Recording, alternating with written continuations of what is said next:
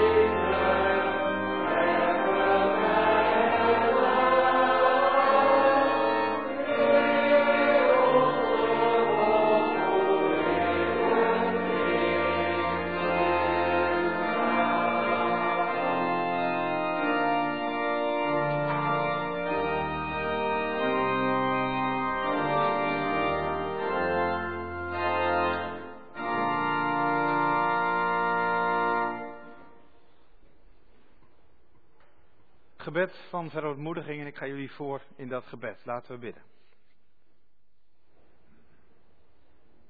Almachtige God en Vader, hoe heerlijk is uw naam. U willen we aanbidden, u grote God van zon, maan, sterren. U willen we ontmoeten hier in uw huis. Slechts een stipje op de aardbol. Maak ons hart ontvankelijk voor deze ontmoeting.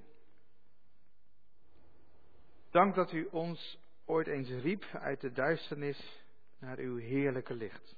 Dat u naar ons omkeek in uw oneindige en niet te bevatten bovennatuurlijke liefde.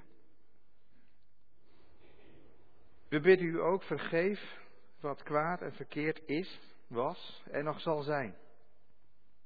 We bidden u maak ons heilig, schoon en schuldeloos. Want dat is het leven wat u voor ons bedacht heeft. En dat is nogal wat, dat we dat bidden. Schoon en schuldeloos. Geef ons ook het geloof wat daarbij hoort. Het geloof dat u in Christus ons dat goede leven wil geven. In zijn naam bidden we deze woorden. Amen.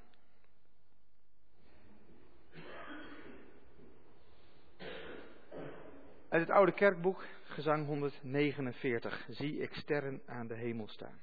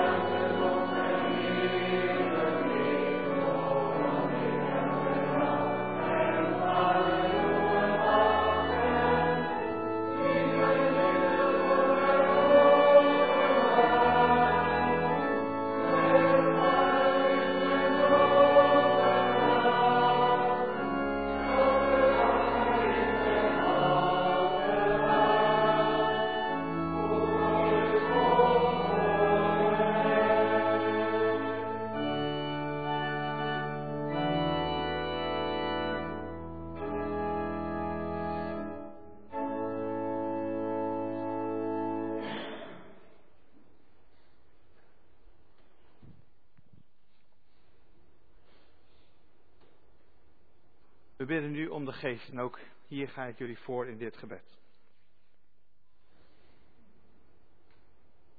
Vader in de hemel, drie ene God, Vader, Zoon en Geest.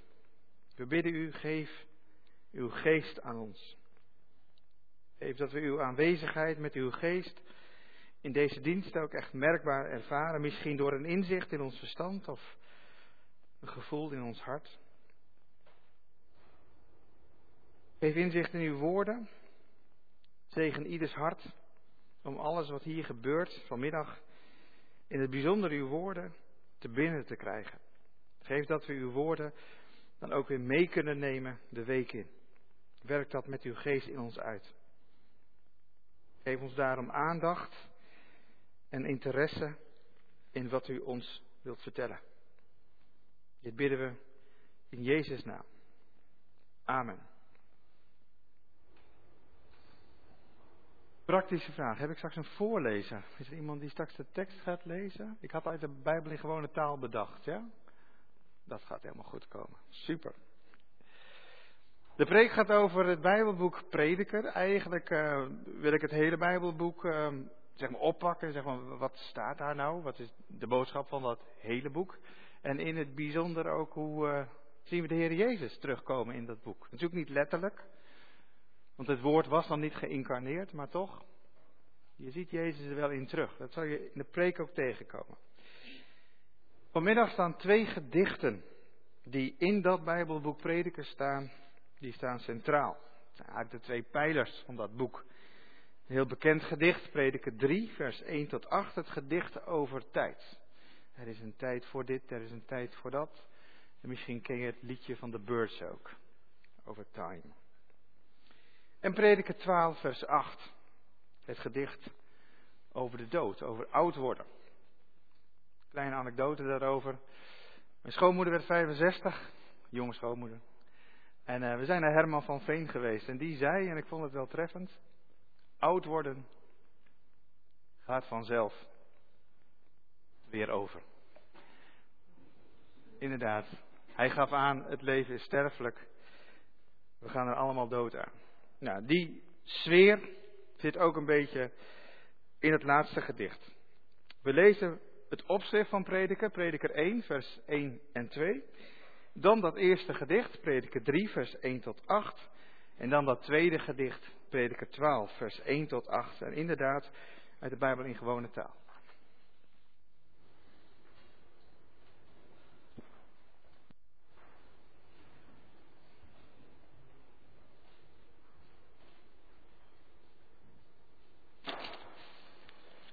Prediker 1. Er gebeurt nooit iets nieuws. Hier volgen de woorden van prediker, een wijze man. Hij was de zoon van David en hij was koning in Jeruzalem. Alles gaat voorbij, zegt prediker. Er is niets dat blijft. Het is allemaal zinloos. Prediker 3. Alles heeft zijn eigen tijd. Er is voor alles in het leven een geschikte tijd. Er is een tijd om kinderen te krijgen. Er is een tijd om te sterven. Er is een tijd om planten in de grond te zetten. En een tijd om planten uit de grond te trekken. Een tijd om mensen te doden en een tijd om mensen beter te maken. Een tijd om dingen af te breken en een tijd om dingen op te bouwen. Een tijd om te huilen en een tijd om te lachen. Een tijd om verdriet te hebben en een tijd om te dansen. Een tijd om samen te slapen en een tijd om in je eentje te slapen. Een tijd om iemand te omhelzen en een tijd om afstand te houden. Een tijd om iets te zoeken en een tijd om iets te verliezen. Een tijd om dingen te bewaren en een tijd om dingen weg te gooien. Een tijd om iets los te scheuren en een tijd om iets heel te maken. Een tijd om stil te staan en een tijd om te praten. Een tijd om lief te hebben, een tijd om te haten. Er is een tijd voor oorlog en er is een tijd voor vrede. Nou, preek 12.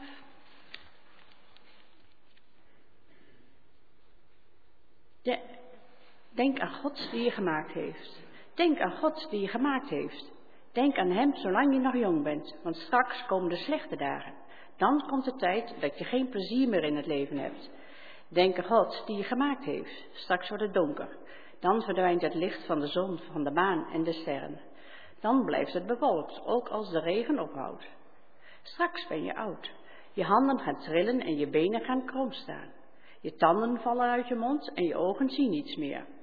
Je oren horen niet meer wat er buiten gebeurt. De stem is bijna niet meer te horen. Je hoort het geluid van de vogels niet meer. Je durft geen heuvel meer op te klimmen. Je vindt het gevaarlijker op de weg. Je haren zijn grijs geworden en je komt nog maar met moeite vooruit. Je verlangt nergens meer naar en tenslotte ga je dood. Dan wordt er om je gehuild in de straten. Denk aan God die je gemaakt heeft. Straks wordt je leven afgebroken. Zoals een zilveren ketting breekt of een gouden lamp, gouden lamp. Zoals een waterkruik in stukken valt of het touw breekt waaraan een emmer hangt. Zo wordt je leven afgebroken. Dan gaat je lichaam terug naar de aarde waaruit je gemaakt bent. Dan gaat je levensadem terug naar God die het leven gegeven heeft. Alles gaat voorbij, zegt prediker. Er is niets dat blijft. Het is allemaal zinloos.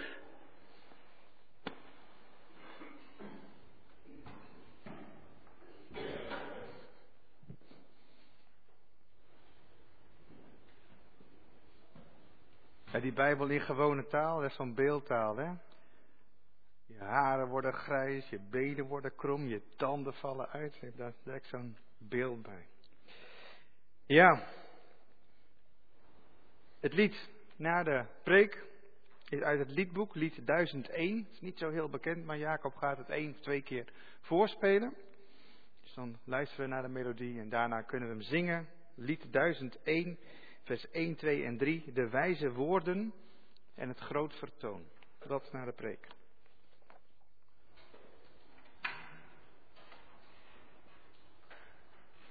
Lieve broers en zussen,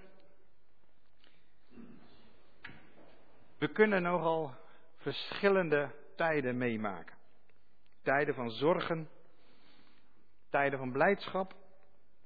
Onze wereld is prachtig, maar volg het nieuws maar. De wereld is ook verschrikkelijk.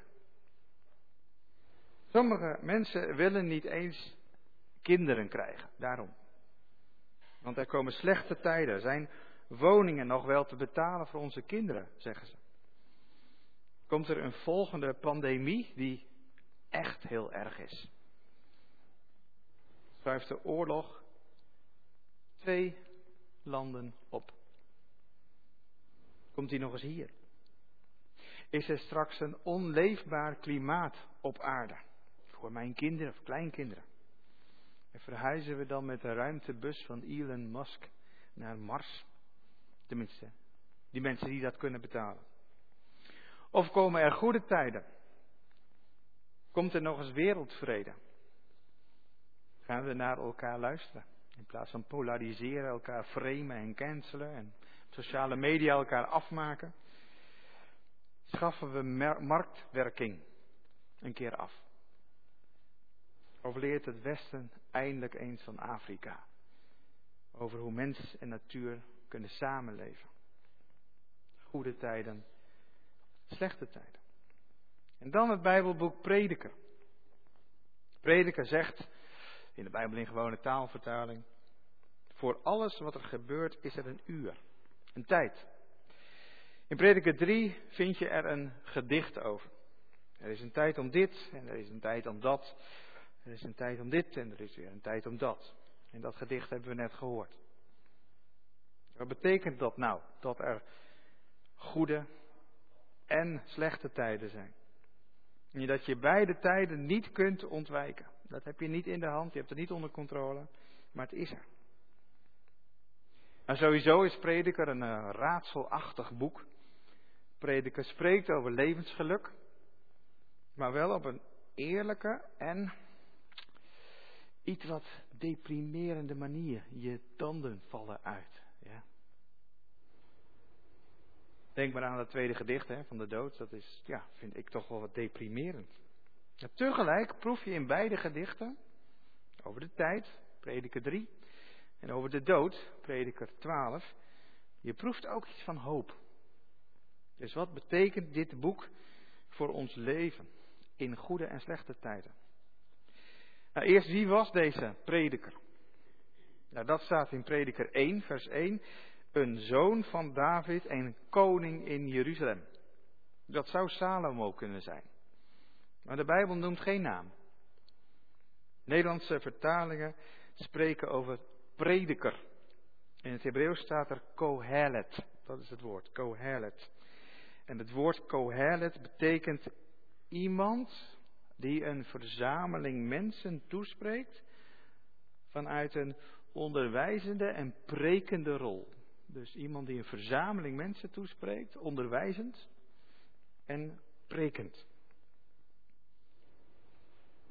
Engelse Bijbelvertalingen, die kiezen ervoor om het woord kohelet te vertalen met teacher, leraar of preacher, prediker. Dus iemand die preekt of iemand die leert. Een teacher, preacher, een leraar, prediker. En deze Kohelet was dus ook nog eens een koninklijke teacher, preacher. Was er nou een functie in die Joodse samenleving die op die teacher, preacher leek? In de vijfde eeuw voor Christus. Toen de schrijver van dit boek, Prediker, de woorden van deze Kohelet opschreef. Toen was er eigenlijk niet een hele duidelijke functie voor zo'n Kohelet, zo'n teacher, preacher. Er was wel een functie van priester, die onderwees de kinderen, dus dat, moet je, dat was een teacher, een leraar, een soort categeet, zeg maar. Maar een priester was eigenlijk niet een filosofische wijze. Zoals deze Kohelet wel was. Dat is echt een filosoof, hele wijze dingen, zegt hij. Je had dan ook nog de functie van de profeet. En die preekte en die profeteerde. Dus dat was de preacher. Maar ook profeten waren niet per definitie filosofen. Amos was bijvoorbeeld een veeboer. Dus deze koninklijke Kohelet was uniek. Blijkbaar was het echt eenmalig. Dat een koning zoals Salomo, en misschien was het Salomo, ook een grote filosofische wijze, teacher, preacher, leraar, prediker was. Uniek in zijn soort. Zijn woorden waren zo belangrijk dat 400 jaar na zijn dood ze in dit boek zijn opgeschreven. En wat is dan de boodschap van deze Kohelet? Wat wil die vertellen? Nou, dat staat in het eerste en laatste vers van zijn onderwijs. Het onderwijs van Kohelet begint in 1 vers 2 en in, eindigt in 12 vers 8. Dus dat is het blok, dat zijn die, die woorden van die leraar prediker. 1 vers 2 tot met 12 vers 8. In de NBV 21 vertaling staat dan, prediker zegt, lucht en leegte, lucht en leegte, alles is leegte. Ken je misschien wel. Ik heb daar um, de Hebreeuwse woorden, natuurlijk niet in het Hebreeuwse schrift, maar eronder gezet, gewoon de woordenboekvorm. En dan staat er Kohelet Amar. Hij zegt, hevel, hevel, hevel, hevel, kol, hevel. Dat hele opeenstapeling van datzelfde woordje. In 12 vers 8 zie je hetzelfde. Prediker zegt, lucht en leegte, alles is leegte, staat in de NBV. In het Hebreeuws weer, Kohelet Amar. Hevel, hevel, kol, hevel. Dus in die Hebreeuwse woorden, dan zie je hoe gek deze eerste en laatste zinnen van dat onderwijs eigenlijk zijn. Het is een overdreven herhaling van één woordje. Hevel. Hevel is het uh, centrale woord in het Bijbelboek Prediker. Het komt 38 keer voor in het boek Prediker. Het leven is hevel. Hevel betekent damp, rook. Of nevel. Dat is ook mooi. Nevel, daar lijkt het nog wat meest op. Nevel. Nevel. Nevel, water, damp is leeg, is luchtig en vluchtig. Het hele leven is als nevel. Ja, dat is grappig. Als je leven achterstevoren leest, dan staat er nevel. Dat kun je makkelijk onthouden. Het leven is nevel. Het leven is nevel. Dat is de keerzijde van het leven. Het leven is nevel. Is damp, is rook. Dat is de boodschap van het Bijbelboek Prediker. En een nevelwolk kan de mooiste vormen aannemen. Maar blijft natuurlijk ongrijpbaar. Het is niet tastbaar, je kunt het niet pakken. Zie die Kohelet zijn wijsheden zo uitspreken met een veep in zijn mond. Hè? Hij blaast jou met zijn woorden alle mooie dingen van het leven blaast hij zo voor. Kijk, dit is mooi. Maar hij laat tegelijk zien, het is nevel. Je hebt er niks aan. Het is vluchtig, het is lucht, het is leeg. Nevel, dat kun je niet pakken. Je hebt dus geen grip op je leven. Misschien herken je dat. Heb je grip op je leven? De dingen die gebeuren. Heb je het onder controle? Nevel vertroebelt ook je visie op het leven. Je hebt geen inzicht in je leven. Begrijpen jullie waarom je de dingen meemaakt zoals je ze meemaakt? Misschien herken je dat ook wel. Ik heb geen inzicht in waarom de dingen gebeuren zoals ze gebeuren. Waarom is dit leven nevel? Daar zijn, zo zegt Coherlet, twee oorzaken voor. En daarom lazen we die twee gedichten. Een gedicht over de tijd, prediker 3, en een gedicht over de dood, prediker 12. Tijd en dood.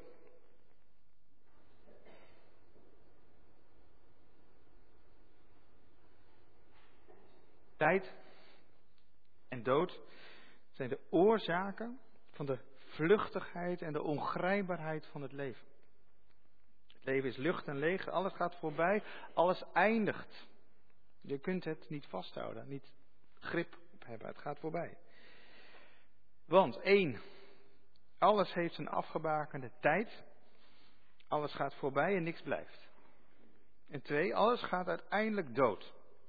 Dus je kunt je dingen verzamelen, zeker je mensen, dieren, spullen. Het vergaat, het is vergankelijk en het gaat dood. Prediker 9, vers 10, er staat het dodenrijk. Daar ben je altijd naar onderweg. Oud worden gaat vanzelf weer over. Dat is een depressieve boodschap. Maar het is wel eerlijk. Het leven is nevel. Dat komt door tijd en door dood. Aan beide kun je niet ontsnappen. Dus wat voor zin heeft het leven eigenlijk? Ja, en? Want hoe moet je nou leven in een leven waar je gevangen zit in tijd en dood? Nou, de schrijver van Prediker, dus niet die prediker zelf, maar de schrijver die dat boek heeft geschreven, die komt in het laatste hoofdstuk tot deze conclusie. Hoofdstuk 12, vers 13. Heb ontzag voor God en leef zijn geboden na. Dat moet je doen. Leef Gods geboden na. Dat is het beste wat je kunt doen in al deze zinloosheid. Leef goed.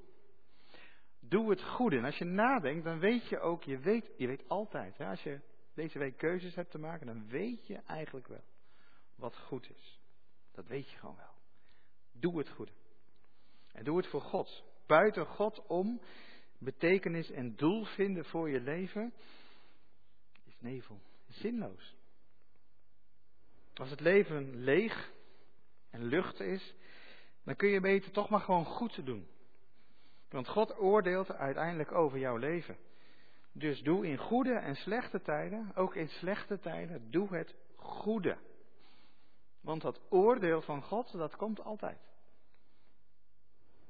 Dus dan kun je beter maar het goede hebben gedaan. De geboden naleven. Maar dan, zegt die Kohelet, die zegt dan over de mens in prediker 7, vers 29. Het enige wat ik vond, dat is een beetje zo'n conclusie, hè? het enige wat ik vond is dit. De mens is door God rechtschapen gemaakt. Dat is goed. Maar altijd weer kiest hij voor de verkeerde wegen. Dat is gewoon een conclusie die hij vindt. Nou, dat is een mooie conclusie. In 12 vers 13 staat dit. Heb ontzag voor God en leef zijn geboden na. Maar mensen kiezen toch de verkeerde wegen. Is er dan een andere uitweg uit die nevel? Ja, want tussen alle wijsheden door klinkt één refrein. In Prediker 3, vers 12 tot 13. Ik heb vastgesteld dat voor de mens niets goeds is weggelegd, behalve vrolijk te zijn en van het leven te genieten. Dit is een geschenk van God. God geeft genot. Naast het gebod, wat we heel moeilijk vinden, want wij, het lukt ons niet om ons daar aan te houden, is er ook nog ruimte voor genot. En je moet je de evenwicht houden. Je moet niet van dingen genieten die niet mogen, maar genot en gebod, allebei. In Prediker 2, vers 25, daar staat dit. Wie kan zich te goed doen en genieten zonder dat hij, God, ermee instemt?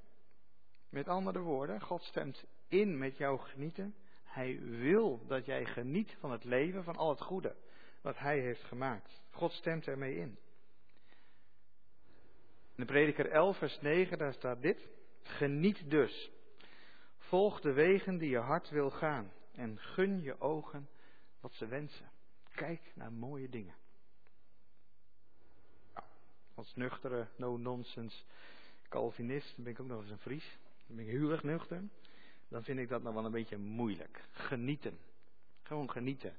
Altijd altijd een beetje dat idee van ja, ik kan dat eigenlijk wel en moet ik niet aan het werk. Misschien herken je dat wel. Oké. Tot nu toe is de conclusie: doe goed door Gods geboden zo goed mogelijk te houden. Doe goed door Gods geboden te houden. En leef goed door zoveel mogelijk binnen die kaders te genieten van het leven. Dat is God. Samengevat, door tijd en dood verlies je alle grip en zicht op het leven. Dat is onvermijdelijk, tijd en dood. En Gods geboden naleven is het enige goede om te doen. Dat lukt ons niet altijd. Geniet ook van het leven. Geniet van het leven. Dat is de wijsheid van Kohelet. Gebod en genot, dat is God. Gebod en genot, dat is goed.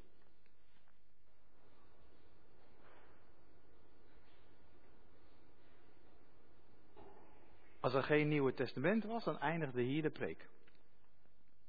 Dan was dit de boodschap.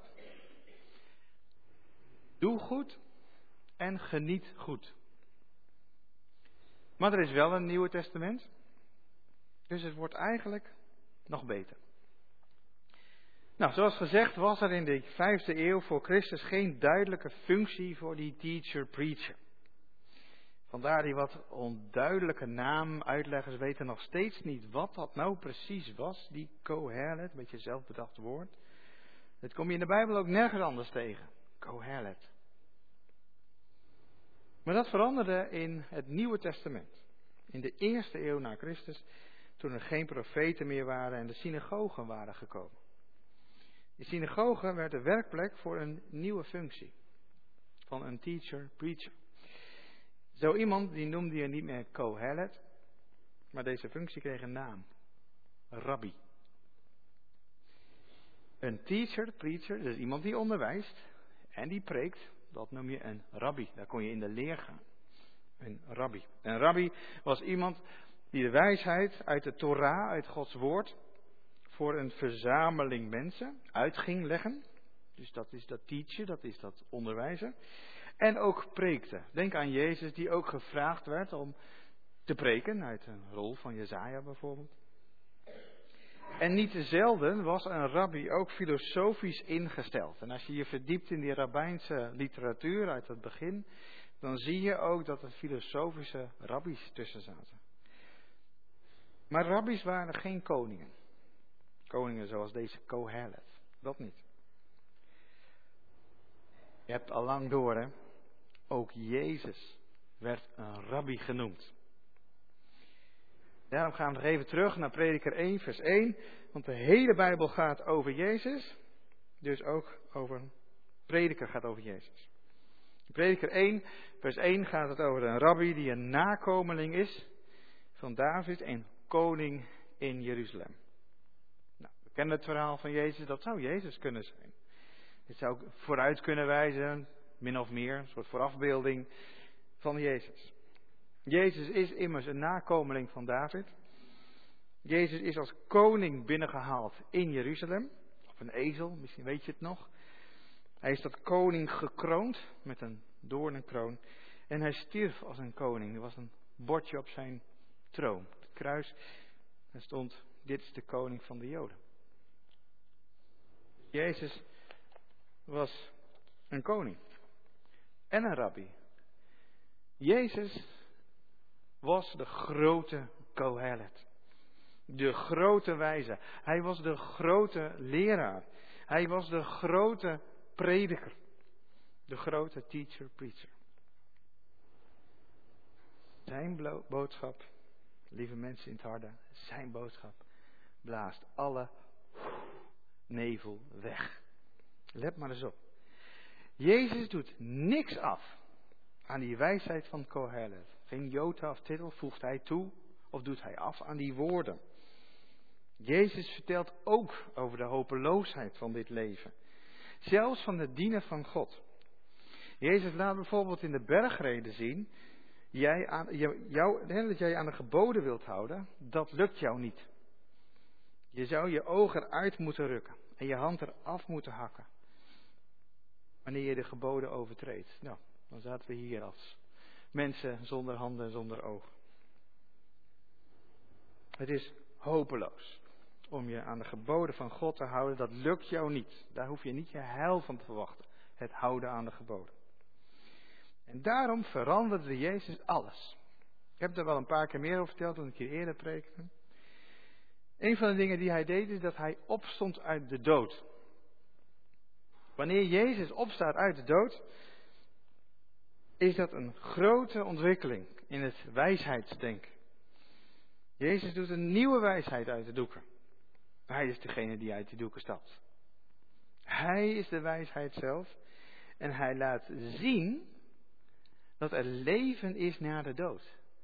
Dus die dood, waar Coher het over heeft, die stopt. Er is leven na de dood. Er is een vaderhuis met kamers. En zijn vader, Jezus' vader, maakt die kamers klaar. Wat doet Jezus? En dit is werkelijk fenomenaal. Hij zet het hele denken van die coherent, laat hij staan, maar zet hij op zijn kant. Jezus maakt een einde aan die twee onontkoombaarheden. Tijd en dood. Allereerst, ja, alles heeft zijn tijd, maar Jezus rekent af met tijd. Johannes 3, vers 16. Wie in Hem gelooft, heeft eeuwig leven. Wij zijn straks niet meer gevangen in tijd. Wij hebben straks een eeuwig, dat is nu al, dat eeuwige leven. Wij overleven de dood. Het is een laatste vijand en een nauwe poort, maar we overleven de dood en we hebben eeuwig leven omdat wij in Jezus Christus geloven. En het tweede, ja, alles en iedereen gaat dood, ik zei het al, maar Jezus overwint die dood. En dat is Pasen. Dus Jezus rekent af met die twee oorzaken, die onderliggende oorzaken van de nevel in ons leven. Die ongrijpbaarheid. Er is nu nog wel die wet van tijd, maar straks is er een eeuwigheid. Er is nu nog wel dood, maar straks is er eeuwig leven. En daarmee trekt de mist op. Dus ja, Kohelet had gelijk, gebod en genot. Dat is wat je van God mag doen. Dat leert Jezus jou ook. Hij kreeg bijvoorbeeld het verwijt dat hij een levensgenieter was. Maar door Jezus krijgt het leven op de langere termijn een nog diepere zin, doel en bestemming. Dus met Jezus kijk je nog verder dan die predik. Dan heb ik hier amen staan. Dus daarmee zou de preek nu afgelopen kunnen zijn. Maar ik wilde nog één klein dingetje met jullie delen, want ik hield deze preek in mijn eigen gemeente. Dat was 7 mei vorig jaar. En na de preek kwam een uh, jonge vrouw, die kwam naar mij toe. En die zei tegen mij, weet je wanneer nevel verdwijnt? En dan bedoelt ze het natuurkundige principe. Uh, nee, dat, ja, dat weet ik niet precies. Zei wanneer de zon er doorheen schijnt en de aarde opwarmt. En dat paste ze als volgt toe op ons. Dus wanneer Gods licht, zijn woord, zijn geest, zijn liefde door de nevel van ons leven heen ons verwarmt, de aarde verwarmt, dan verdwijnt de nevel. En dat is volgens mij Jezus Christus. Die door die nevel heen komt in ons leven, ons leven doel, zin en bestemming geeft en daardoor komt ons hele leven in een ander licht te staan. Verdwijnt de nevel en hebben we uitzicht op een eeuwig leven. Amen.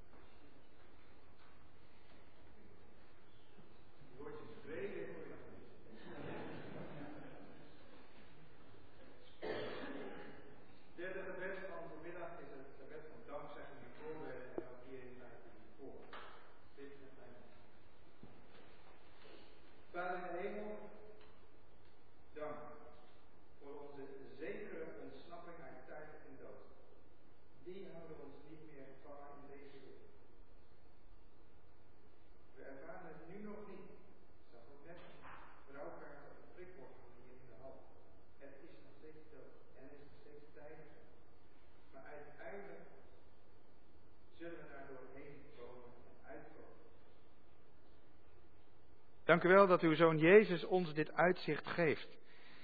Hij heeft tijd en dood overwonnen. Hij geeft ons perspectief en hoop. En verlichting van lijden. En zin voor dit leven. Betekenis, doel, bestemming. En dat wij nu in die wetenschap dat Jezus Christus de grote koning is. Dat we nu de heilige missie hebben om dit leven hier en nu simpelweg te leven. Want het lijkt niet meer zo zinloos. Laten we goed doen, Heer, voor u. En onderweg genieten van al het goede wat u geeft. Want de wijsheid uit prediker is prachtig voor ons in het hier en nu. Wees bij ons als het leven lijden is. Geef lucht, geen leegte. Geef licht in ons leven, verdring duisternis en donkerte. En zegen ons leven met uw goedheid en wijze woorden uit bijvoorbeeld prediker. Heer, dit zijn onze gebeden en hoor ze in Jezus' naam. Amen. Nu tijd voor de collecte. God zegen jullie gaaf.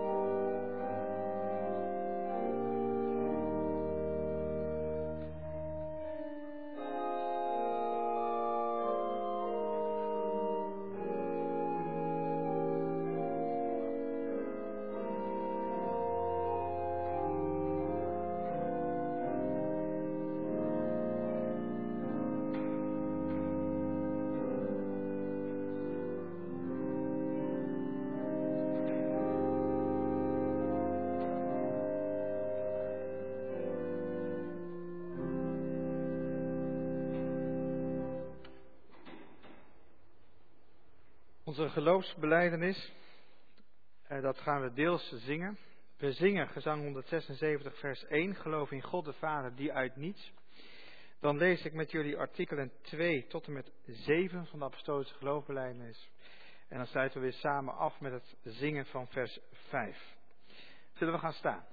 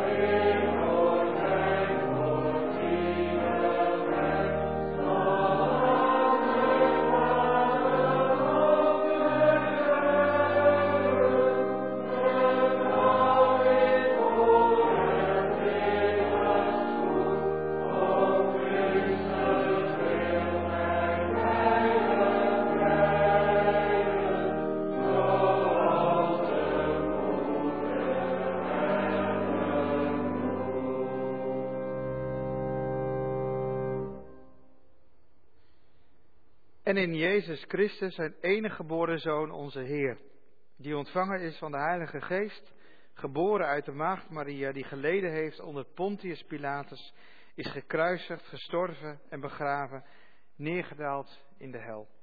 En op de derde dag opgestaan uit de dood, opgevaren naar de hemel en zit aan de rechterhand van God de Almachtige Vader. Vandaar zal hij komen om te oordelen de levenden en de doden.